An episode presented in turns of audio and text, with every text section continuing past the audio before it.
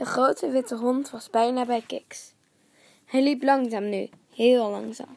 Stap, stap, nog een stap. Zijn staart zwaaide steeds voorzichtiger, steeds lager ook. Hij hield zijn kop naar beneden, alleen zijn ogen keken omhoog. Er hingen een paar kleine haren voor. Kom dan, zei Emilia. Kik zei, mooie hond, goede hond. Staak hun handen uit. Pas toen deed de hond de laatste stap naar voren. Nu stond een metertje van hem vandaan. Als ze zich uitrekten, konden hun vingertoppen bij zijn kop. Die voelde zacht, heel zacht. Ze schoven een stukje op, dichter bij de haren en zijn oren en zijn neus. De hond lette gespannen op wat ze deden, maar bleef staan. Kiks mocht hem aaien, en daarna Emilia ook. Ze zagen de reepjes donkere kleur die over zijn neus heen liepen, tot op zijn voorhoofd. Ze voelen aan het prachtige witte haar dat over de rest van zijn sterke lichaam liep. Het hing naar beneden.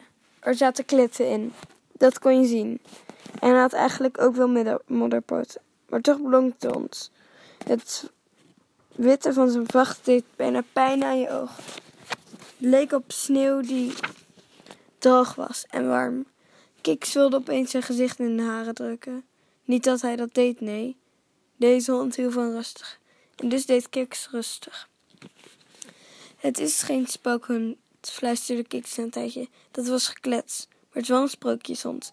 Emilia klikte, knikte alleen maar.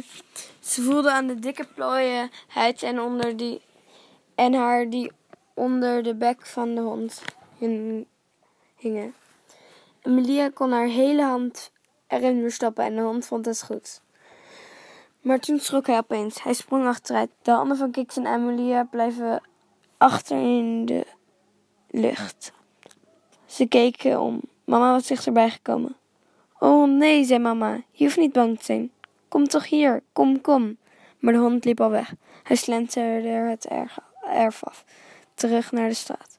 Kiks, Emilia en de moeder keken waar hij naartoe ging. Hij stak over, dus mama zei: Ik begreep het al, hij is van meneer en mevrouw Jones. Nu schrok Kiks, want het is helemaal geen goed nieuws. Dat was helemaal geen goed nieuws. Hij hield niet van meneer en mevrouw Jones. Die woonden op de boerderij tegenover van. En ze waren oud en niet aardig. Vroeger hadden ze een slang. Die zat in een groot glazen terrarium. Kiks moest een keer mee van papa om kennis te maken. Ze stonden voor een enge bak. Er lagen dode meisjes in. En de slang gleed langzaam uit de knoop. Kijk maar uit, had meneer Jones gezegd. Als jouw kleine kefhondje op mijn erf komt, ligt hij hap hap weg in de bek van Rotter hier. Rotter, dat was de slang. Kik had een stom grapje gewonnen en papa ook. Pas maar op, zei papa tegen meneer Jones. Als die slang bij jou in de buurt van mijn terrein komt, dan krijg je hem in twee stukken terug. Dat vond meneer Jones weer geen leuk grapje. Toen was het bezoek snel afgelopen. Daarna was Kik nooit meer naar de overburen geweest. Ook al was Rotter de slang al allang weer verkocht. Die had mevrouw Jones aan mama dat, dat had mevrouw Jones aan mama verteld. Hij vrat aan de kat, zei ze. En keek dus niet of dat verzonnen was. En nu kwam de witte hond daar vandaan.